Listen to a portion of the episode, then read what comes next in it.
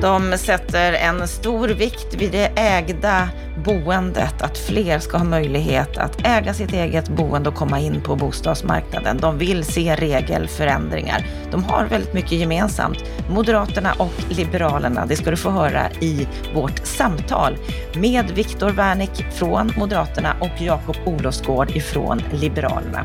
Det här är det tredje avsnittet i vår valspecial härifrån Bopolpodden. Då vi tar tempen på våra olika partier. Vad vill de egentligen med bostadspolitiken? Vad är det som förenar dem? Vad är det som skiljer dem åt? Vilket parti ska vi rösta på om några veckor? Varmt välkommen till Bopolpodden. Det här är ett samtal som kommenteras av vår expertkommentator Lennart Weiss. Jag heter Anna Bellman.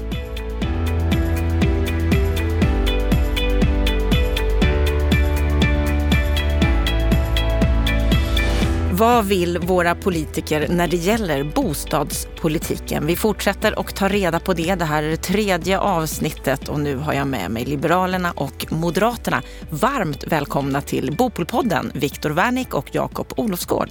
Tack så mycket. Tackar, tackar. Vad är din sinnesstämning idag, Viktor? Ja, det är rätt mycket att göra just nu i dessa valtider så att man är väl rätt mycket uppe i varven då efter allt kampanjande och eh, andra typer av besök och så som man gör i, i de här tiderna. Men det känns bra, det gör det. God sinnesstämning. Det får man säga. Mm. Vad är din sinnesstämning? Men det är mycket god sinnesstämning. Att vara den långa mitten idag. Säkert är jag lång själv, men förutom att, att partiet eh, går framåt och det är en valrörelse framför så är det, eh, är det mycket gott idag. Ja, ni är långa båda två kan vi konstatera. 1,96. Stämmer. Jakob, och du är 1,93. Mm. Ja. Är det en fördel i politiken att vara lång? Tycker då att dels så ser folk upp till oss och vi har överseende med många. En annan intressant likhet mellan er två, det är att ni båda är relativt färska i det här yrket. Viktor, du kom in i riksdagen 2018 och du, Jakob, så sent som för ett år sedan, 2021. Precis, jubileum, ett år. Ja, hur har det här året varit? Fantastiskt rörigt och fantastiskt roligt. Du, eh, hur kom det sig att du kom in i riksdagen? Eh, vart ju i förra valet 2018 står jag som nummer två på listan hemma i Jönköpings län och då blir man ersättare i riksdagen och så var det en i partiet som, som klev av riksdagens arbete och då gick samtalet till mig såklart. Mm. Och tidigare har du jobbat på Obos, en kompis som vi känner i den här podden, tjänstledig därifrån. Mm, tjänstledig, exakt. Så jag kom ju senast ifrån eh, eh som projektledare inom bostadsbranschen och har med mig lite detta. Men det är ju ändå ett, man får ju skifta ben lite när man går in i politiken och man får skilja, och noga med att skilja på att det där det var jobb och arbete och nu är det, tjänar man eh, folket. Mm. Och du har ju skiftat ben förut. Du är pastor har du jobbat som på Immanuelskyrkan, eller i Immanuelskyrkan i Jönköping. Du bor i Vetlanda. Just det här med att, att skifta ben, är det, är det någonting som du gör även politiskt? Det är ju egentligen jättejobbigt efter äldre man blir att byta. Man, vi är vanemänniskor, vi vänjer oss för någonting men samtidigt när man gör det är det väldigt utmanande. Så att jag har ju med mig min då sedan 20 års ska man säga, socialt arbete och de senaste tre, fyra årens bostadsbyggande med mig. Så det blir, det, det blir den mixen. Och då är det bra att vara där du är just nu? Mycket bra. Kommer du fortsätta till valet? Oh ja, nu kör vi in i kaklet där som Viktor var inne på här. Vi båda eh, vill ju faktiskt eh, efter valdagen vara kvar. Och du, Viktor, sedan 2018 som sagt, inom mm. riksdagspolitiken, du har varit i kommunpolitiken tidigare. Ja. Är det en stor skillnad? Ja, den största skillnaden är väl att engagemanget som jag hade då i kommunen, det var ju på fritidsbasis egentligen. Och nu får jag göra det här, har förmånen att få göra detta på, på heltid. Men det är klart att det är olika perspektiv. Det kanske är mer detaljnivå i kommunen och mer eh, personkemi som avgör där vilka koalitioner som kan byggas och så, eh, än vad det är i rikspolitiken. Så det är viss skillnad, men det är ändå samma ideologiska riktning som, som styr oss. Ska jag säga. Och du har också en bakgrund som asylhandläggare på Migrationsverket i Gävle. Du bor i Söderhamn men mm. har jobbat i, i Gävle. Vad har du tagit med dig därifrån in i politiken? Ja, där kan man ju lära sig rätt mycket eh, om eh, offentlig förvaltning och effektiviteten framförallt vad gäller migrationspolitiken. Jag kunde ju se både det som fungerade bra och det som fungerade mindre bra. Alltså den professionalism som finns bland statstjänstemännen i bland annat Migrationsverket och där jag själv kommer ifrån är ju eh, väldigt hög. Men, men sen finns det också effektivitetsbrister, till exempel vad gäller eh, avslagsbesluten där de asylsökande då som har fått ett nej inte lämnar landet. Så att det fanns ju en frustration också att eh, det arbete som gjordes inte kunde effektueras på rätt sätt och det där måste vi få ordning på efter den 11 september. Går det att få det? För som du säger, det finns en lagstiftning men den är svår att genomföra eller följa i alla lägen. Det handlar ju om att arbeta till exempel med eh, de länder de, därifrån de här asylsökande kommer och ställa högre krav på att ta emot sina egna medborgare. Där har vi ju biståndet som vi skulle kunna arbeta mycket mer effektivt med. Att sätta krav och press på att man ska ta ansvar för de egna medborgarna när de har fått avslag och de har inte, helt enkelt, de har inte skyddsskäl. Eh, där måste vi bli mycket, mycket tuffare i, i svensk migrationspolitik än vad vi har varit tidigare. Jag skulle säga att vi har varit naiva i detta och för slapphänta. Mm. Och det där är en fråga som vi inte ska fokusera så mycket på idag. Nej. Utan nu ska vi framförallt fokusera på bostadsfrågan. Även om alla frågor på ett sätt hänger ihop. Och det är väldigt många som landar jag i bostadsfrågan. Jag tycker att det hör ihop väldigt mycket det senaste året. Eh, vad ska de som väl får stanna, bo någonstans. De landar in i, i våran eh, bostadsbrist som vi har i Sverige. Då. Och, och, nu när vi ser till de som har flytt från det vidriga kriget i Ukraina, den är ju väldigt aktuell. Eh, vilka bostäder pratar vi om där? Mm. Och vi ska komma in delvis då på den frågan och bland annat prata om hur vi ska jobba med våra utsatta områden, bland annat vad ni vill där. Men först tror jag lite nyfiken, hur tror ni att det kommer att gå i valet? Jag tror att vi vinner. Jakob får väl eh, rätta mig om han tror något annat. Men jag tror att eh, vår sida vinner, den sida som vill ha maktskifte i svensk politik. Jag tror att det kommer bli ytterst jämnt. Det har det alltid varit när, när vi har fått just borgerliga maktskiften. Men jag tror att vi kommer att ta hem det här. Vi är eh, duktiga på att eh, spurta på slutet, skulle jag vilja säga. Mm, och Liberalerna har ju känts väldigt, väldigt svaga under en tid men har kommit starkt här nu på slutet. Mm, det är ju så, vi kommer alltid starkt. Ibland tar det lång tid och, och eh, vi har varit före många frågor. Vi efterfrågar att vi inte ska vara efterkloka. Vi pratar kärnkraft, vi pratar viktiga miljöfrågor, vi pratar annat. Att vi, eh, där är vi idag, så att vi känner att vi är på banan. Sen är det som Viktor är inne på att det kommer bli jämnt in, in, till slutet. Men, men som i alla fall när vi nu är ute och möter väljarna Eh, sen kanske man väljer, men vi möter alla sorters väljare, så upplever jag ändå att nu man vill se en förändring. Man vill se en ny politik i Sverige och då är det vi som står för den. Så då, eh, som det känns nu, så är, är att det väger över absolut till att, att vi vinner. Och som ni säger, ni på samma sida, vi har ju valt här i vårt valspecial att, att inte ha debatt i bostadsfrågan mellan olika partier utan snarare se vad är det för politik ni vill driva? Vad är det som ni har för likheter mellan era två partier? Men också, gissar jag, kommer det finnas en del skillnader också. Och om vi då går in på bostadsfrågan mer konkret, vad skulle ni säga är det största problemet på bostadsmarknaden idag? Ja, jag skulle vilja säga att det är för eh, svårt att ta sig in på den ägda marknaden. Det är för svårt att ta sig in på den hyrda marknaden och det är för svårt att eh, bygga bostäder. Alltså vi har tre stora problem vad gäller den svenska bostadspolitiken som inte har eh, förändrats eller förbättrats under de senaste åtta åren med Socialdemokraterna vid makten. Här finns ett väldigt stort arbete att göra framöver för att se till att fler människor ska få chansen att få ett gott boende och ett eget hem. Det finns ju många som står och väntar i köer till den hyrda marknaden. Det är många som sparar och gnetar på för att ha råd att ta sig in på den ägda marknaden. Och det är väldigt många som skulle vilja bygga men som inte kan det därför att vi har regelverk och annan byråkrati i vägen som förlänger tiderna och som gör att det blir dyrt. Och, och vad vill ni då konkret göra för att lösa de här problemen? Ja, vad gäller, vad gäller byggandet så, så måste vi ju ju arbeta dels med både eh, utbudssidan och efterfrågesidan. Och eh, när det, när det kommer till byggandet där så handlar det ju mycket om regelförenklingar. Alltså staten idag eh, har ålagt eh, byggandet väldigt höga krav och väldigt många byråkratiska hinder. Där måste man helt enkelt göra en stor upprensning bland de, de regelverk som, som finns. Sen handlar det också om statens uppdrag att kunna serva, alltså serviceuppdragen som inte fungerar. Till exempel har vi Lantmäteriets fastighetsbildningsverksamhet som är helt eh, det, är icke-fungerande idag. Det, Riksrevisionen har dömt ut Eh, fastighetsbildningsverksamheten i en rapport här nu under våren och sagt att den är väldigt ineffektiv och väldigt dyr och kostsam. Och bara här nu innan sommaren så återkom regeringen med en skrivelse om vad man ville göra och det är bara att konstatera att skrivelsen är otroligt tunn. Alltså regeringen tar inte det här på allvar överhuvudtaget. Så statens serviceansvar och serviceskyldighet måste också skärpas upp. Så det kommer att skärpas om ni får säga till? Ja, verkligen. Det måste, det måste göras å det snaraste. Därför att och vad kommer det här ge för effekter när det gäller möjligheten att få en bostad? Ja, det kommer ju leda till att eh, byggtiderna kan kortas, att, att regelkrånglet kan minska, att det blir billigare att bygga. Alla de här delarna måste ju till därför att det har ju snarare gått i motsatt utriktning, i, inriktning i, i svensk, bostads, eh, på svensk bostadsmarknad de senaste, de senaste decennierna. Så, så här finns ett stort arbete att göra framåt för en ny moderatledd regering. Och Jakob, vad ser ni på Liberalerna? Vad är de stora problemen på bostadsmarknaden idag? Nej, men det är bara att haka på Viktor här. Eh, om vi lyfter blicken och, och ser vad vi säger. Vi, om vi pratar bostadspolitik, pratar bostäder i Sverige idag. Vad, vad är det vi känner och upplever då? Vad medborgarna, när man pratar med dem och när man skaffar en bostad, då blir det så här frustrerande.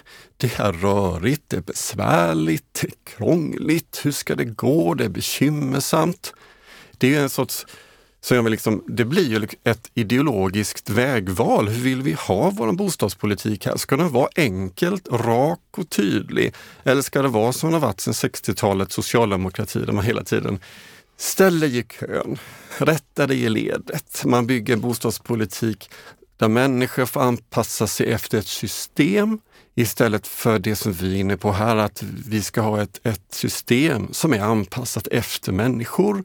Vi ska ha myndigheter som ställer sig frågan varför finns vi? Jo, vi finns ju för för folkets skull. Hur kan vi underlätta och hjälpa och göra det bättre och smidigare? Samma sak för byggherrar som väljer att bygga. Pratar man med dem så blir det mycket frustration. Jag kommer själv från den branschen nu och känner att man, man har lite van sig vid att det är otroligt bökigt, besvärligt och krångligt. Och det är inte bra. Det är inte okej. Okay.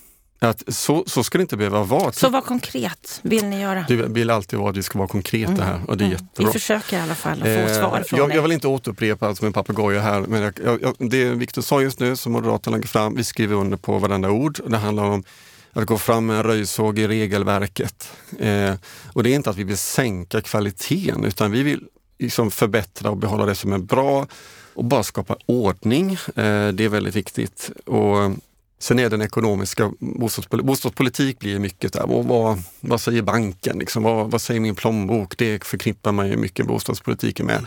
Och där är det ju de, de otroligt höga trösklarna att kliva in i det egna ägda boendet. Men också i att kliva in att hyra är också höga trösklar på olika sätt. Så de här höga trösklarna måste ner och konkret då är det att göra en ekonomisk bostadspolitik som gör det möjligt för människor att kunna låna, ha råd att eh, få de här lånen. Och då undrar jag, just, just det här, det, det, kost, det kommer att kosta pengar om man, om, man, om man vill underlätta, om det ska bli mer bostäder byggda, om det ska bli lättare för människor att ta sig in på marknaden. Vad, vad är det för satsningar rent ekonomiskt som ni vill göra som faktiskt kommer att kosta skattepengar? Det är jätteviktigt att vi, att sparandet det är en viktig grund, att vi vänjer vår kultur vid att det behöver, för att komma in mer, specifikt äga boendet, så behöver du ha, ha, ha kapital, du behöver kunna spara. Om man haft en politik i allt för lång tid som bygger för mycket på det hyrda boendet så har man inte vant sig vid att man måste spara. Det tar liksom generationer ibland att bygga upp ett kapital och man behöver liksom tänka där. Och där är vi på efterkälken och man var för snabb med att springa dit genom det skärpta amorteringskravet anser vi Liberalerna vi vill se att det är jätteviktigt att spara. I, I andra länder i Europa så är det väldigt noga med att kunna liksom amortera av. Det, det är viktigt att man gör rätt för sig och sådär. Men man gick för fort fram eh, och då är vi mer öppna för att, att avskaffa det skärpta amorteringskravet och se en annan lösning där som kanske gör det smidigare att för barnfamiljer att kunna amortera mindre i början av livet men sen när barnen flyttar hemifrån, man får lite mer lönekuvertet så kan man amortera mer.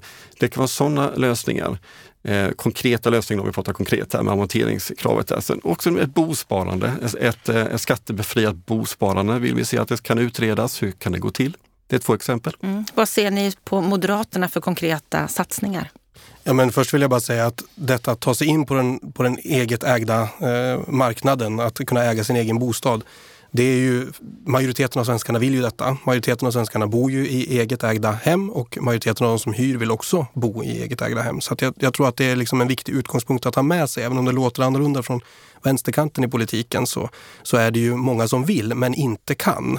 Och vad beror då detta på? Ja, bland annat de här kreditrestriktionerna är ju väldigt tuffa. Alltså det spelar ingen roll egentligen hur hårt man anstränger sig, om man utbildar sig, om man om man, om man jobbar och sliter så, så finns det ändå där då ett bolånetak. Det finns de här amorteringsreglerna. Det, de här kreditrestriktionerna är väldigt, väldigt tuffa.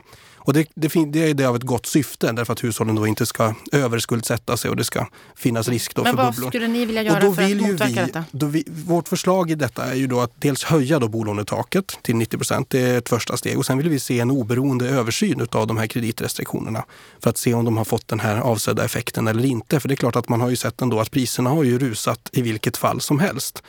Så det finns ju en anledning till att vi behöver se över dessa. För det spelar alltså så att säga ingen roll då om, om du inte har rika föräldrar eller mor eller farföräldrar som är tjocka plånböcker så har du väldigt svårt att ta dig in, framförallt som ung Eh, i storstadsregionerna. Men också skulle jag vilja säga hemma i mitt eget län, Gävleborg och andra, andra län utanför storstadsområdena så är det, så är det tufft. Eh, och det här måste vi helt enkelt eh, underlätta och förbättra. Den utredning som kom här nu i våras om, om ett statligt finansierat startlån hur ser ni på det? Ja, det går ju i vår riktning på något sätt ändå. Eh, vi har väl inte tagit eh, formell ställning i detta. Det är ju också bara en utredning och regeringen har ju inte, har ju inte kommit med något skarpt förslag. Ja, det är ute på remiss, men snart så kommer... Precis, och förhoppningsvis så är det väl en, en moderatledd regering som ska få handha detta då efter valet. Men, men vi har inte satt ner foten, men vi, vårt förslag är nu som sagt i detta läge då att höja, höja eh, bolånetaket och göra den här översynen av kreditrestriktionerna. Det är Startlån, är det något som Liberalerna säger hurra till?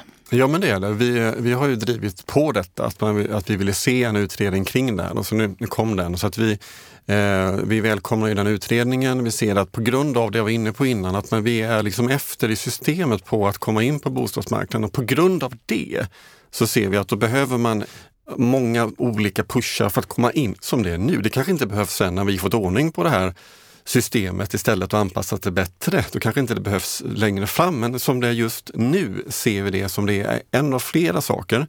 Sen är det ju väldigt noga, hur ska man då eh, utforma ett sånt, ett sånt här lån?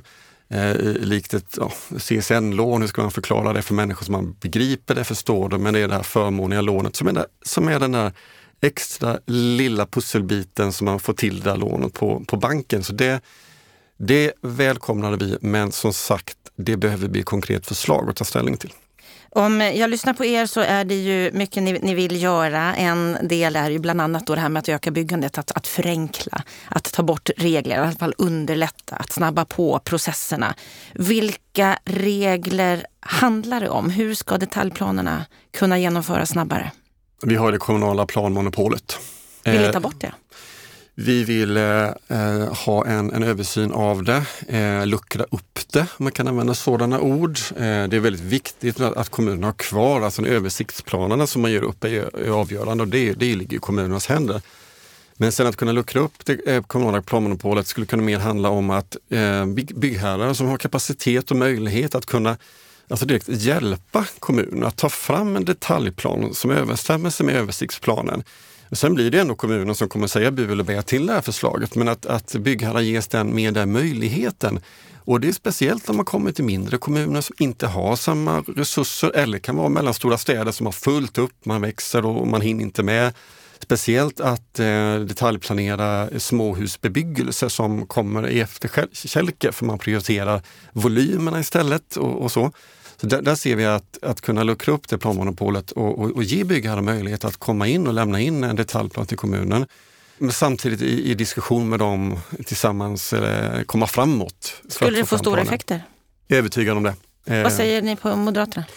Ja, avseende liksom kommunernas ansvar och att det kommunala eh, planmonopolet finns så, så, vill jag ändå säga att det vill vi ha kvar. Alltså vi, vi, tycker inte att de här idéerna som finns att staten skulle ta ett större ansvar och få ålägga kommunerna att göra vissa saker är särskilt god idé som har framkommit från, från den andra sidan i politiken. Utan det handlar ju om att legitimiteten ändå ska finnas där hos medborgarna. De som eh, demokratiskt har valt fram de representanter som sen finns då i fullmäktige och Eh, bygg och miljönämnder och andra, andra organ som, som har att hantera detta. Så att, eh, kommunala självstyret och det, principen om detta, det vill vi ändå värna. Men sen finns det ju andra reformer som man skulle kunna göra för att underlätta arbetet med eh, detaljplaneringen. Till exempel så tycker vi att detaljplanerna i allt eh, för hög utsträckning är just för detaljerade.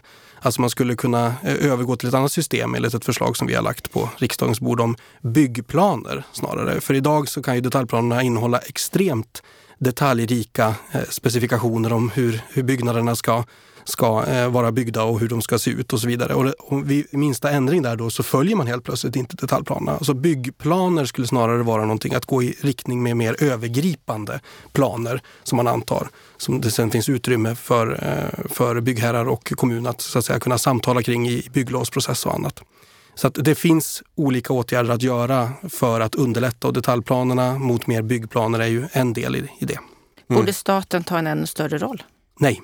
Nej, alltså det, det förslaget som har lagts fram nu, nu är de inte här att försvara sig Nej. Eh, och regeringen, men det handlade ju om att man ville bygga ett nya nya miljonprogram. Alltså det var ju de vibbarna som kom fram, att staten går in att man inte har mer, eh, att man löser, tror att man kan lösa det så enkelt när det krånglet fortfarande finns kvar. Det är helt i fel ände. Istället att gå in så att de här detaljplanerna just nu som Viktor var inne på, att de är väldigt detaljerade. Vilket gör att kommer du till bygglovsförfarandet sen, då, men då har du samma runda och, och, igen och det tar bara tid, tid, tid. Krångel, krångel, krångel. Det finns, det finns så mycket att göra på eh, att hjälpa kommunerna genom att lätta upp i den. Och en sak som vissa menar hjälper i alla fall byggare att bygga mer och bygga bostäder som behövs, det är investeringsstödet som ju har tagits bort. Mm. Att bygga fler hyresrätter som människor har möjlighet att betala för. Mm. Vad säger ni om att återinföra det här stödet?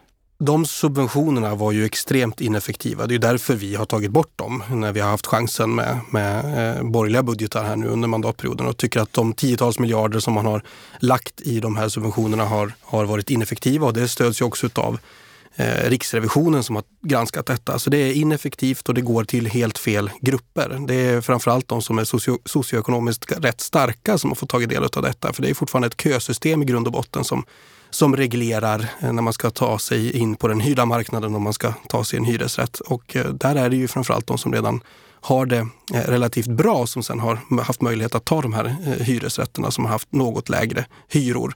Och eh, det har helt enkelt inte gett den effekten att, att fler har kunnat tagit sig in till, till rimliga kostnader. Så inget nytt investeringsstöd? Nej, absolut inte. Vad säger Liberalerna? Jag tycker att det är så mycket upp i debatten. Hela tiden får vi det här från oss från vänsterflanken och jag skulle välkomna att Riksrevisionen tittar på de här investeringsstöden. Vad har de gett? För om de analyserar det som har blivit det så kommer det med all säkerhet, är vi övertygade om, vara det som vi framför här. Det har inte gått till dem som det var meningen för. Vi i Liberalerna fanns ju med i januariöverenskommelsen och det vi var inne på där var att de subventionerna skulle vara oerhört riktade. Skulle vara verkligen vara riktade subventioner. Det kan vara bra, men det är ändå sista utvägen, en subvention. Så, vi har så mycket annat vi behöver göra innan vi kommer till subventioner. Så att jag tror, tror inte vi behöver komma dit. Så till, till, till byggare som sitter här och tycker att men de var ju ganska bra de där.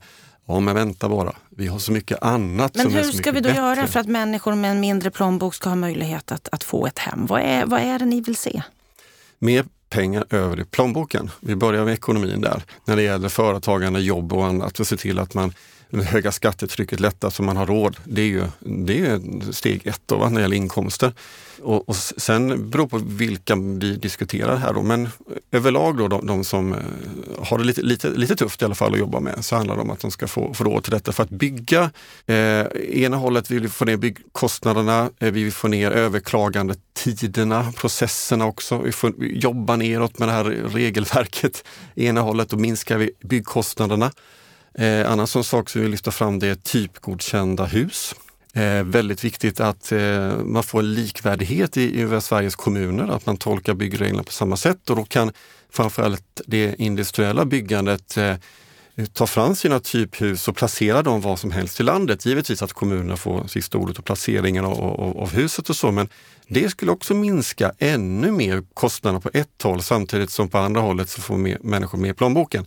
Så det är väl det generella som, som, som möter en stor grupp av de som söker bostäder. Vad säger ni? Ja, jag vill börja med det som Jakob var inne lite grann på här, arbetslinjen. Någonstans är det ändå där det, så att säga, grunden läggs, att människor har ett arbete med en inkomst man kan leva på som man också kan använda för att betala de basala nödvändigheterna som en bostad, som, som mat och som kläder och annat vad det nu kan vara. Det är klart att det, det är det som bör vara politikens fokus nu framåt. Eh, sen handlar det ju om vad gäller då kostnaderna för att eh, hyra sig en bostad eller köpa sig en bostad. Där, där återkommer jag då till detta med, med regelkrånglet och allt det som har drivit upp priserna. Så att en kombination av detta. Sen de riktigt utsatta grupperna i samhället måste naturligtvis alltid kunna räkna med det offentligas stöd på olika sätt. Och då handlar det om de typer av stöd som kommunerna kan ge. Eh, men det handlar ju också om de sociala kontrakt som, som finns och som används av många kommuner som kan behöva utvecklas ytterligare anser vi. Ja, för här ser vi bland annat att den strukturella hemlösheten, den ökar. Ja. Fler och fler blir hemlösa. Så hur ska vi hjälpa dem? Och då är det just detta med de sociala kontrakten, alltså att kommunerna eh, tar det primära ansvaret eh, vid, vid kontraktskrivning och sen så upplåter, upplåter lägenhet till, till den som behöver. Eh, den här modellen har ju fungerat väldigt bra eh, där den används och här kan det finnas anledning då att fördjupa den och förbättra den framåt helt enkelt. Men, men i grund och botten så handlar ju hela bostadspolitiken och eh, hela, hela den ekonomiska politiken om att se till att människor har råd att betala sina bostäder, se till att människor har goda inkomster att kunna leva på och då, då är det arbetslinjen som är helt central i det. De som är mest utsatta? Ja, vi krokar in i varandra lite och man tar över från sociala bostadskontrakt då, som når till en stor grupp. Och det, det, som har blivit ändå nu vi har sett, de har, har faktiskt dubblerats på tioårsperiod, de sociala bostadskontrakten. Och klart, då är det tecken på att ja, de, de behövs. Eh, kommunerna använder sig av dem. Men det är när det varit goda tider. Vad händer det när det blir lågkonjunktur nu med, med de här, att kommunerna inte har råd att ha kvar de här sociala bostadskontrakten? Då tror jag inte vi kommer se en ökning utan tvärtom att det blir färre.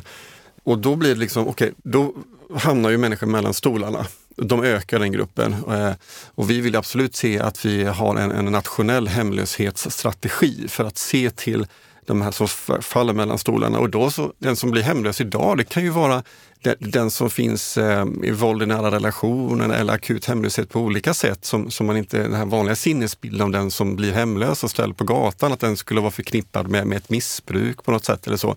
Utan det handlar om faktiskt om vanliga människor som hamnar på gatan. Eh, och det i sin tur kan ju leda till eh, att det blir förvärrad situation. Och där har vi i Liberalerna ett eh, förslag om behovsbostäder och det är ett, en ny, ny bo, bostadsform.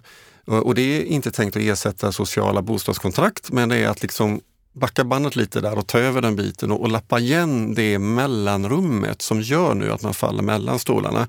Som, som, som Räddningsmissionen och andra som jobbar med de här allra eh, som lever i hemlöshet de börjar själva bygga bostäder för de har ingenstans att placera dem. Det är en frustration. Och då behöver politiken, eh, staten ska gå in när det verkligen behövs. Då behöver vi en stark stat. Den behöver nödvändigtvis inte vara stor som vi brukar säga, men den ska vara stark och tydlig och gå in där. För tak över huvudet är en mänsklig rättighet. Och skillnaden är då att behovsbostäder får som vi lägger fram. Det, det, ska inte vara i eh, icke-fungerande områden, det får inte vara utsatta områden överhuvudtaget. Det ska vara fun väl fungerande områden, utspritt i de olika bestånden. Eh, och det ska vara att när, när, en exploatör kommer och säger vi vill bygga ett område här, att kommunen ska säga ja men då vill vi att ni avvarar eh, si och så många lägenheter som ni avsätter i, ett, i bostadsrätter eller hyresrätter så att de kan finnas i det här nya beståndet. Det ska inte på så sätt be, bekostat av subventionen eller av skattemedel utan byggas upp under tid. Så man tittar här på, man kan finna att det finns en stiftelsefond möjligtvis till det här eller vissa riktade subventioner om man vill bygga detta. Vi tittar på, på, på Finland som har ett liknande system. Och det här behöver man utreda. Det är lång väg dit och det är det som vi vill utreda. Så med en ny borgerlig regering så skulle vi absolut kunna utreda.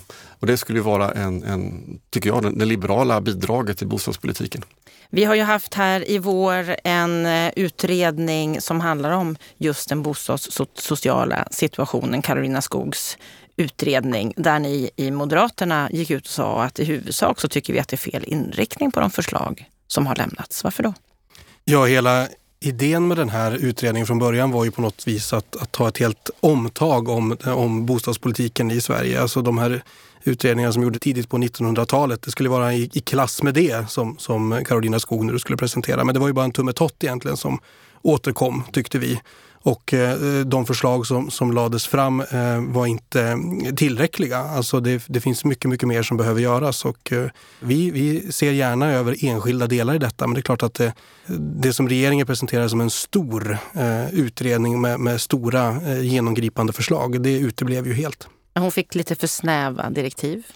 Är det, och vissa som menar. Och det är ju i så fall någonting som ligger på regeringen. Eh, att, ni att göra i Liberalerna, detta. ni sa att ni var positivt inställda framförallt till utredningens slutsats att den generella bostadspolitiken har nått vägs ände. Mm. Det var ju precis det utredningen kom fram till med Karolina Skog, att man sa att Nej, det behövs en ny utredning. Men här verkar det som att ni är lite, o, ni är lite oense om, om den här utredningen. Och... Nej, jag, jag, tror inte det, utan det handlar om att de, alltså delar i utredningen, delar av den som var bra var att det här behöver bli viktigare. Vår sociala bostadspolitik behöver vara mycket mer viktigare för en regering. Det behöver finnas och leva mycket mer. Det behövs inte bara hoppas in när det skriker och, och släcker bränder, utan det måste finnas en, en djupare engagemang i bostadspolitiken. Eh, och det tror jag inte någon av oss säger nej till att det behöver vara så. Men, men det man kom, kom fram till i, slutsatsen var att, att, eh, att den inte är tillräcklig. Ja, och då är det bara att säga ja, jo, men det tycker vi ju såklart att den inte var tillräcklig. Goda ansatser i den, men den var långt ifrån tillräcklig. En, en bostadspolitik som har så stor påverkan på samhället i stort, det tar eh, större krafttag till, till att, eh, att jobba med. Och då tycker vi att en social bostadspolitik, en, en del att utreda, det är just det här mellanrummet idag som vi ser där, den här strukturella hemlösheten finns. Eh, att ge ett tydligare uppdrag och ta tag i det. Och det var det som var så anmärkningsvärt hos, hos vänsterpolitiken, att man inte gav sig in i det som verkligen är, eh, borde vara behjärtansvärt för dem. Men man vågade kanske inte, jag vet inte. En fråga, fråga som vi kan säga hör till, till den här. Vi vill ju naturligtvis fördjupa alla frågor i det här programmet men vi hinner inte för vi har inte så lång tid på oss. Men en fråga som jag skulle vilja ta med er det är det som vi kallar för social dumpning som vi har lyft här i Bopolpodden i ett antal olika program. Där vi ser att rika kommuner som ofta är högerstyrda anklagas för att skicka personer eller familjer med behov av försörjningsstöd till mer fattiga, mindre kommuner där det finns lediga hyresbostäder. Vi har exempel som Danderyd och Nacka. Hur ser ni på det här fenomenet med social dumpning? Vad ska man göra åt det? För det känns ju inte värdigt ett land som Sverige att det här förekommer. Absolut eh, inte. Och det det blir ju en, det är ju på grund av bostadsbristen. Eh, vissa påstår att jag, man säger att det aldrig byggts så mycket som det har byggts nu och att det inte finns någon större bostadsbrist, att vi är på väg mot Sienokullen. Men, men det kan inte jag se för att i stora delar av vårt land så finns fortfarande jättestor bostadsbrist och där, därför uppstår det här fenomenet att man har byggt under för lång tid för lite och för otillräckligt. Och kommuner då som inte har bostäder måste hitta bostäder. Och för det är väldigt dyrt och komplicerat att, att bygga där. Så att, att eh, bygga de här billigare, mindre bostäderna. Vi, vi är inne på... Förslag. Och det borde Nacka klara av menar du? Ja, att bygga. Vi, vi, har ett, ett, vi pratar om någonting vi kallar för mikrobostäder. Vi behöver kunna ta fram fler mindre billigare bostäder som vi tar fram, för det är det som behövs. Vad, vad, vad kan man hjälpa då? Vad kan de här som du säger, kommunerna som, som eh, överlämnar till, till mindre kommuner. Vad, vad, är det de kan göra? Jo, men det är att bygga de här mindre, billigare bostäderna och det är så svårt för dem att göra idag därför att markpriserna och annat är så kostsamma just där. Och då behöver vi, det vi började med, det här med bostadsbyggande, att kunna förenkla, göra det lättare att bygga i de här ställena. Vad vill ni på Moderaterna se när det gäller den här frågan?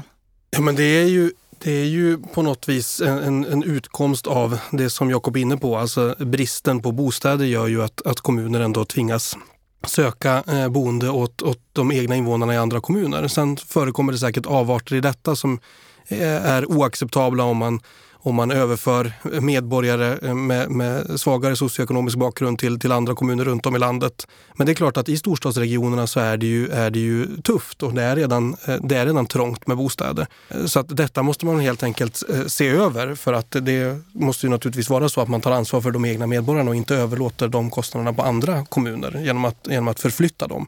Men eh, det är ju primärt en fråga om att se till att det ska finnas fler bostäder eh, tillgängliga och då, då är det ju den stora bostadspolitiken i, i helhet som, som måste fungera. Och De här kommunerna pekar bland annat på att eh, stödet ifrån staten bara är ett par år. Det hade gått lättare om, om stödet hade, hade förlängts till exempelvis fyra år. Skulle staten gå in på ett tydligare sätt här och styra? Ja, men det, det, det, tror jag, att det skulle finnas mer långsiktighet därför att det tar tid. När du har fått tak över huvudet så behöver du också tänka längre Och det ska inte vara så att om du börjar få ett jobb eller få ordning på livet igen med bostad, att du då ska bli av med din bostad. Eh, speciellt barnfamiljer, skolgång och annat. Det behöver finnas en långsiktighet i det. Och det är vi inne på just när det gäller våra, det vi kallar våra sociala bostäder, för behovsbostäder. Att de ska finnas 57 år där. En, en, en rejäl tid för att komma upp på, på fötter igen och kunna söka en, en, en riktig bostad. Eh, och jag, jag, tror ju inte att någon kommun tycker så att men nu ska vi dumpa iväg och ha den synen på människor. Men social dumpning, det blir, en konsekvens blir det faktiskt. Att man ser det, att mindre bemedlade kommuner med, med eh, lediga hyresrätter får en större problematik. Och det, det är inte okej. Okay.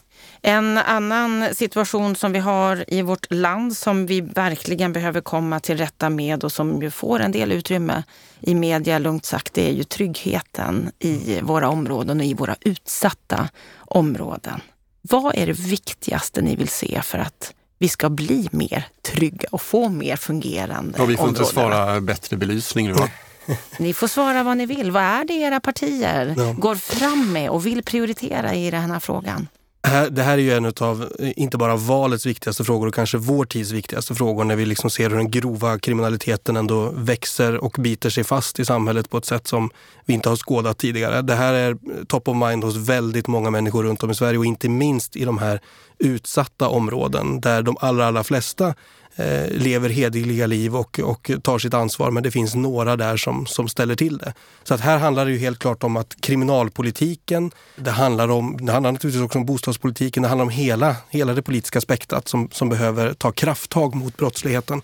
Och där finns det ett antal olika förslag som behöver till. Till exempel har vi ju eh, visitationszoner som vi moderater har lagt förslag om, alltså att man ska ha rätt eh, för, från polisens räkning då som, som medel att kunna, att kunna visitera i vissa områden där man vet vet att det rör sig eh, gängbrottslingar för att kunna förhindra brottslighet. Det handlar om skärpta straff, det handlar om att inkapacitera de människor som, som begår de här grövsta brotten under längre tid så att de inte kan fortsätta vara ute i samhället och vara just våldsverkare. Det handlar om en totalöversyn av brottsbalken där vi idag har ett alltför stort fokus på eh, förövaren. Alltså förövarperspektivet i svensk kriminalpolitik har varit genomgående under många, många decennier. Det här måste vi byta till brottsofferperspektiv i långt högre utsträckning än vad vi och gör idag. Och inom just bostadspolitiken, vad är det som konkret kan göras där?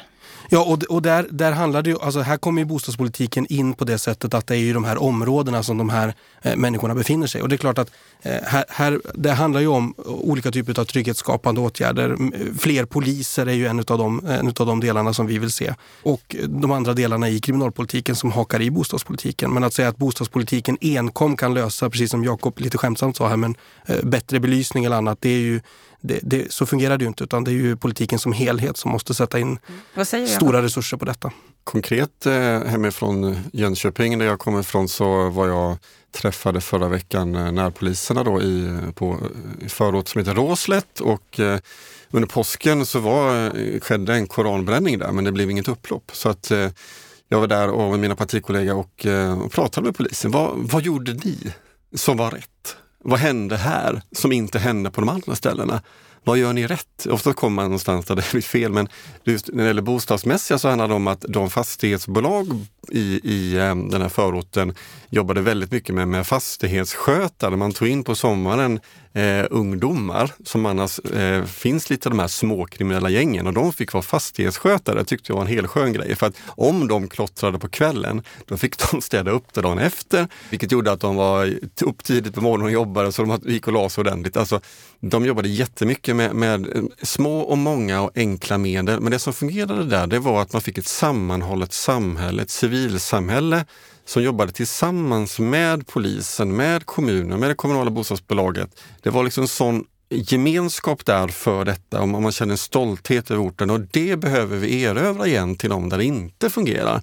Så det kände jag var bara så, ni måste ut och berätta om det här i, de här förorterna där det inte funkar. Så här jobbar vi och det här går bra. Sen är det ju Allting börjar ju och slutar i, i, eh, i människors liv, men det börjar alltid i skolan. Och vi ser att de här, när man inte kommer på banan så är det ju språket framförallt som man inte eh, är hemma med i, de här, i utsatta områden. Och då handlar det om att man planerar också för en god skola, eh, goda skollokaler, vi pratar bostadspolitik. När vi bygger områden så behöver vi bygga dem trygga och tänka på att satsa på och då pratar vi oftast både järnhandske som vi varit inne på, väldigt viktigt med rättspolitiken, men Lovikkavanten som vi lyfter fram, att den här sociala sidan är väldigt viktigt och där kan fastighetsägarna ta ett större ansvar och det vill vi se. Man vill jobba mer med ett engagemang som fastighetsägarna behöver förstå att man har och jag som är övertygad om att de, de vill också vara med och påverka. Det är, det är en viktig social bostadsaspekt och det handlar mer att jag ser det när jag möter framförallt de större fastighetsägarna som, har, som är också medvetna om problematiken i de här områdena och frågar lite, men hur kan vi hjälpa till? Hur kan vi? Och då tycker jag att man kan eh, hjälpa dem på traven och uppmuntra ge dem morötter. Eh, vi har eh, en förslag på en speciell investeringsfond till utsatta områden för små, många åtgärder som man inte behöver hålla igen kommunerna om man vill satsa. Eh, Och det här kommer att ge effekt? Alla förslag som ni förhoppningsvis kan driva igenom? Oh ja. Mm. Vi ska försöka att knyta ihop säcken mm. på ett bra sätt nu. Det är många frågor vi knappt har hunnit nämna. Så helt kort skulle jag vilja ta er på pulsen i ett par nya frågor här, bland annat här med marknadshyror. Hur ser ni på det? Vi är inte för marknadshyror från Moderaternas sida. Däremot så tycker vi att vid nyproduktion så bör det tillåtas eh, mer friare hyressättning. Det förslaget som fanns och som föll för ett år sedan. Precis. Det är värt att fortsätta strida för. Det kan ju behöva eh, ses över ytterligare något varv innan man kan lägga fram någonting där. Men, men vi tror att det skulle vara till hjälp för, för bostadsmarknaden. Vad tror ni, Liberalerna? Precis, och det var ju den situationen för ett år sedan där att, eh, men det handlade inte direkt om kanske hyror för, för oss där utan, men det gjorde det framförallt för, för, för Vänsterpartiet som hade väldigt tydligt, eh, det hade inte gått igenom hur, hur som helst. Och där vi Liberalerna och, och var väldigt tydliga med att vi ser att, eh, men det vi vill se av eh, marknadshyror i nyproduktion får, får vi poängtera väldigt viktigt. Eh, det kan vi genomföra med en liberal och borgerlig regering. Det är där vi står idag. Det är Så här är ni på samma linje? Ja, det tycker jag. Men det är väl viktigt att poängtera att det finns inget underlag i Sveriges riksdag och det ser heller inte ut att finnas något underlag i Sveriges riksdag för den typen av förslag. Så att det, det gäller väl också att lägga energi på de delar där vi faktiskt kan få till eh, verklig förändring. Men, men just det här förslaget finns det helt enkelt inte stöd för. Men det skulle vara intressant att pröva det, likt eh, Finland och annat. Mm. Se att skulle det få bort lite bostadsköer. Men som sagt, det kan vara en tuff väg att gå. Eh, när, jag, när jag lyssnar på er och försöker tolka er så känns det som att ni tycker lika i väldigt många områden. En skillnad kanske, vi har varit inne på det lite grann, det är att ni på Liberalerna, ni vill införa skattegynnat bosparande. Men eh, Moderaterna vill satsa på ISK, mm. sänka skatten där. Varför mm. vill inte ni ha ett Skattegynnat bosparande? Nej, men ISK-sparandet eh, har ju vuxit fram i Sverige och fått eh, vuxit i popularitet. Det är många som har tagit till sig den här sparformen och eh, då tycker vi att det är bättre att, att vidareutveckla den genom förbättrade skatteregler och att, att göra det mer lönsamt att spara. Just för att, för att kunna få ihop till den här kontantinsatsen till exempel. Så, så att, vi, vi, tror att, att utveckla den formen och gå i riktningen med lägre skatter snarare än högre skatter som den andra sidan i politiken vill ja, göra på näst, nästan allt eh, så, så, tror vi att det är bättre att vi, att vi fokuserar på, på ISK. Och varför vill, eh, vill Liberalerna öronmärka sparande till bostad? Är det inte mer liberalt att jag får välja själv? Jo, och vi är ju för dem, det här sparandet genom ISK-konto, precis som Moderaterna är. Så det är ingen skillnad i oss i den frågan. Vi vill se att man mer fokuserar på, på bosparande. Det kan handla om att, ja, ska jag, vill jag spara till mina barn? Liksom? Vill mina morföräldrar börja spara till, till barnbarnen? Kan man hitta, eh, uppmuntra till sparande? Liksom? Det är det vi vill se större. Och då kan man vara en fördel att kunna öronmärka detta. Men samtidigt så ISK är ju, utvecklar vi dem så kanske vi möts igen där. Så du hittar nog inte jättemycket konfliktpunkter på oss där. Men en sak som ändå jag tror eh, vi, vi behöver titta på här Viktor, när vi sätter oss ner sen och bildar regering och börjar förhandla, det är just eh, de bitarna det skärpta amorteringskravet och bolånetaket. Det är två bitar som vi behöver prata mer om. Det behöver ni jobba mer med. Nu är det snart val. Väljarna, de eh, vet inte riktigt vad de ska rösta på. Många väljer ju mm. nästan på valdagen. Och för många så är den här situationen som vi befinner oss i nu, vi är i lågkonjunktur, vi ser hur bostadspriserna och vi ser också hur materialkostnader och annat, räntor bara ökar och gör det svårt att bygga alla de här bostäderna som ni säger att ni vill bygga genom enklare byggregler. Så varför ska man rösta på er i valet när det gäller bostadsfrågan? För den blir viktigare och viktigare och mer och mer avgörande för oss väljare. Om jag börjar med dig Viktor. Ja, du var ju inne på detta med, med de skatteregler och annat som, som ändå påverkar bostadsmarknaden och som påverkar bostadspolitiken. Och det är ett skarpt löfte från oss och från vår sida i politiken att vi tänker inte återinföra fastighetsskatten. Och det här retar ju gallfeber på Socialdemokraterna får man ju ändå säga och man, man förstår ju varför de är så, så uppretade därför att de sidoorganisationer som finns, SSU, LO, eh, kommunalråden runt om i Sverige, en majoritet av S-kommunalråden, Vänsterpartiet, Miljöpartiet, alla vill ha tillbaka fastighetsskatten för man tycker att det är en exemplarisk skatt att ta in till, till statens finanser.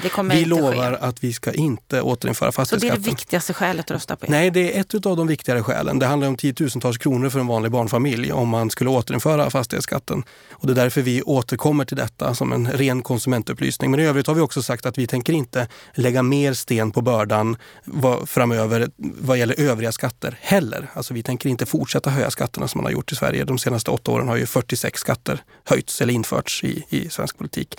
Men det handlar om detta, jag återkommer till det. Det måste bli eh, enklare och lättare att bygga. Vi måste se till att eh, enkel, göra det lättare och, och, minska regelkrånglet. Vi måste göra det lättare att hyra och komma in på den hyrda marknaden. Vi måste göra det billigare och enklare att komma in på den ägda marknaden. Varför ska jag rösta på Liberalerna?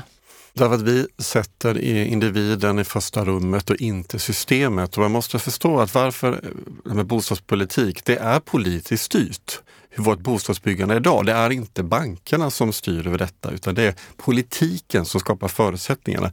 Och att en lägre tröskel för dig som vill köpa eller äga ditt första boende eller skaffa din första lägenhet då ska du rösta på Liberalerna. Samt att se den med ett stort hjärta för den som faller mellan stolarna i den sociala bostadspolitiken i utsatta människor ska också rösta på Liberalerna. Vem vill du se som bostadsminister efter valet? Ja, men jag kan tänka mig tillsammans med Viktor, tänker dela ledarskap. Det blir första gången i så fall. Vad säger du Viktor? Ja, jag ser ju gärna att en moderat ska uh, få bli bostadsminister. Räcker du upp handen? Ja, det, det, är ju regeringsbildaren som avgör vem som blir bostadsminister. Ja, politikersvar. Då önskar jag er lycka till i valet och tack. i slutspurten här nu. Stort tack för att ni kom till Bopolpodden. Tack så mycket. Tack, tack.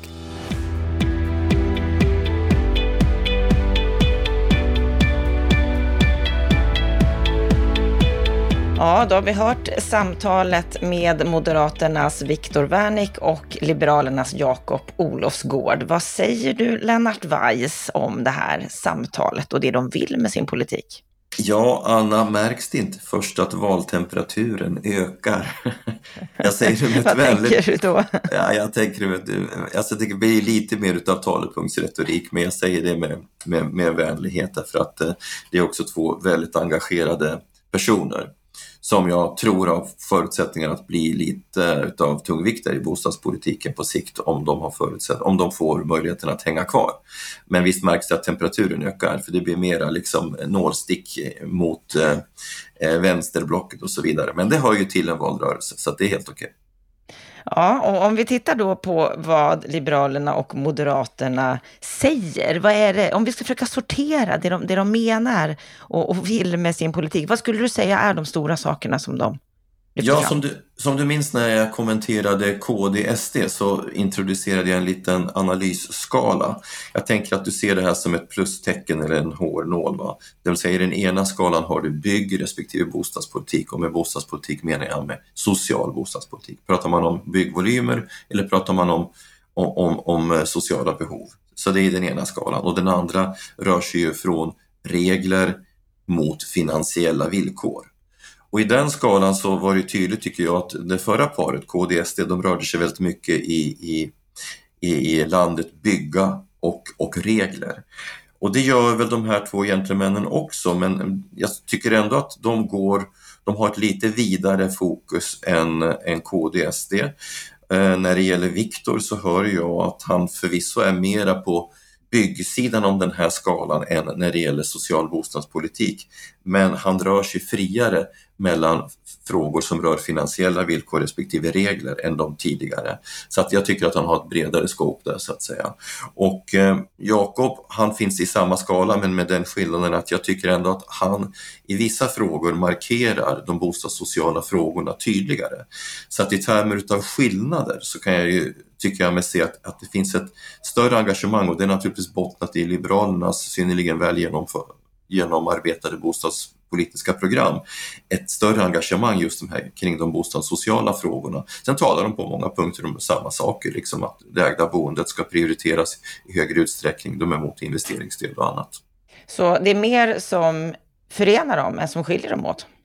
Ja, det är absolut. Det är mycket mer som förenar dem. Ehm, det märks kanske också därför att vi är i en valrörelse att man försöker betona likheterna just nu för att man vill utgöra ett regeringsalternativ. Ehm, du hör ju också tydliga markeringar mot att inte höja skatter, ge människor mer över i plånböckerna. Så det är liksom klassisk borgerlig politik på många sätt. Sen hur mycket bostadspolitik det är, det, det ja, det är du mer tveksam till. Om vi tittar på en fråga som vi tog upp, som vi har berört i Bopolpodden under våren i ett flertal program, så har det ju att göra med den här sociala dumpningen som jag frågade de här två politikerna lite mer om än tidigare program, där ju många borgerliga styrda kommuner anklagas för att dumpa människor till mindre kommuner för att de säger att de inte har bostäder till dem. Vad säger du om svaren här när det gäller social dumpning? Ja, det var ju inte deras starkaste del i den här intervjun eh, faktiskt, utan där eh, tycker jag ju mig höra att man blev lite besvärad, kanske särskilt Viktor som då säger att bristen, alltså han försvarar ju de kommuner som flyttar medborgare till andra kommuner med i stort sett citat, bristen på bostäder tvingar kommunerna att skaffa bostäder i andra landsändar. Det behövs helt enkelt fler bostäder. Och sen så eh, Eh, och, och, och eh, även Jakob då pekar på bostadsbristen som det övergripande problemet. Men här vet ju båda två att grundproblemet, vilket ju Timbro har erkänt i sin eh, analys, är ju att de borgerligt styrda kommunerna i väldigt stor utsträckning har själva skapat det här problemet. De har avvecklat sitt kommunala bostadsbolag som ju är ett verktyg för de allra svagaste. De har i stor utsträckning sålt sin mark så de har liksom inga verktyg. Och eh, de bygger väldigt lite bostäder och därmed har de ju själva skapat den här bostadsbristen som de nu hänvisar till eh, som, ett, som en orsak till att man flyttar, flyttar medborgare till eh, andra landsändar. Ja, men om du tittar i Stockholms län även om jag nu är lite part i målet, det får jag ju erkänna, va, så är det ändå ett faktum att socialdemokratiskt styrda kommuner bygger mer än borgerliga. Det är liksom ett faktum. Och om bostadsbristen är i huvudsak en kommunal angelägenhet, bostadsbristen, bostadsbyggandet, ja då måste ju kommunerna ta sitt ansvar och det gör de inte. Och då kan jag också tycka att där finns ett glapp i deras argumentation när de säger att staten ska inte ta ett större ansvar. Nej, jag kan köpa det, men då måste det ju ändå finnas andra mekanismer. Och när kommunerna då inte tar sitt ansvar, då kan jag tycka att här har man en svag punkt eh, och, och, och tappar helt enkelt i trovärdighet. Om vi ska titta på, på, på, det de vill och det de säger, du säger vi, vi pratar om en mängd olika områden såklart. Vad skulle du säga blir effekterna av deras politik? Om vi får ett maktskifte nu, att det blir Moderaterna, Liberalerna, tillsammans med KD och, och SD då, som, som får regera. Vad blir effekterna av, av de här två partiernas politik? Ja, det som kommer... Eh, ja, ja, du hör ju ganska tydligt att de kommer att göra en tyngdpunktsförskjutning från satsningar på hyresrätter och investeringsstöd till det ägda boendet. Det, det är liksom på en principiell nivå en väldigt tydlig förflyttning. Eh, och den välkomnar jag. Jag menar om 70 procent av befolkningen bor i ägda bostäder så måste man ju för fan i våld ha en politik för det ägda boendet. Det är liksom på den i den delen av marknaden som du har störst valfrihet, du har störst utbud av prisvarierade bostäder, bostäder utav olika kvalitet och läge. Så det är ju välkommet. Det jag kanske saknar det är ju konkretion. Men det finns ju några ansatser här. Alltså, båda säger ju att vi måste sänka trösklarna. Bra, men konkretisera det.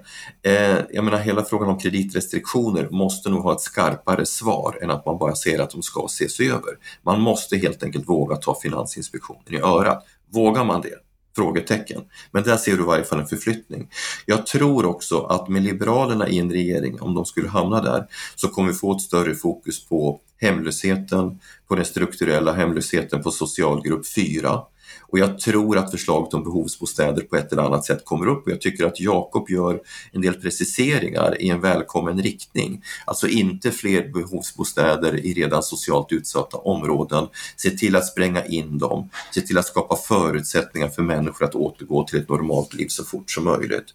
Och eh, sen är ju också frågan, man säger också sänk trösklarna till hyresmarknaden. Det, där var jag, blev jag nyfiken, vad menar man med det? Därför att Eh, om inte det har ett finansiellt svar, det vill säga det ska, man ska stötta bostadsbolagen att få fram billigare bostäder via investeringsstöd, hur sänker man trösklarna då? Det, där kom ett principiellt intressant besked som inte följdes upp, som jag kunde höra i varje fall, med något konkret förslag. Men det var en markering som var intressant. Mm. Vi får se om vi kan följa upp det och hur det kommer att bli efter valet den 11 september. Vi har ett program kvar, ett samtal med eh, Vänsterpartiet och Miljöpartiet som du får höra nästa vecka. Så tack för kommentaren Lennart. Tack till dig som lyssnar på Bopolpodden. Det är spännande tider just nu, lugnt sagt. Är det så att du vill förkovra dig mer när det gäller bostadspolitiken? Ja, gå gärna in på bostadspolitik.se. Med detta så önskar vi dig en trevlig vecka så hörs vi på fredag igen då det är dags för veckans Aktuellt. Må så gott!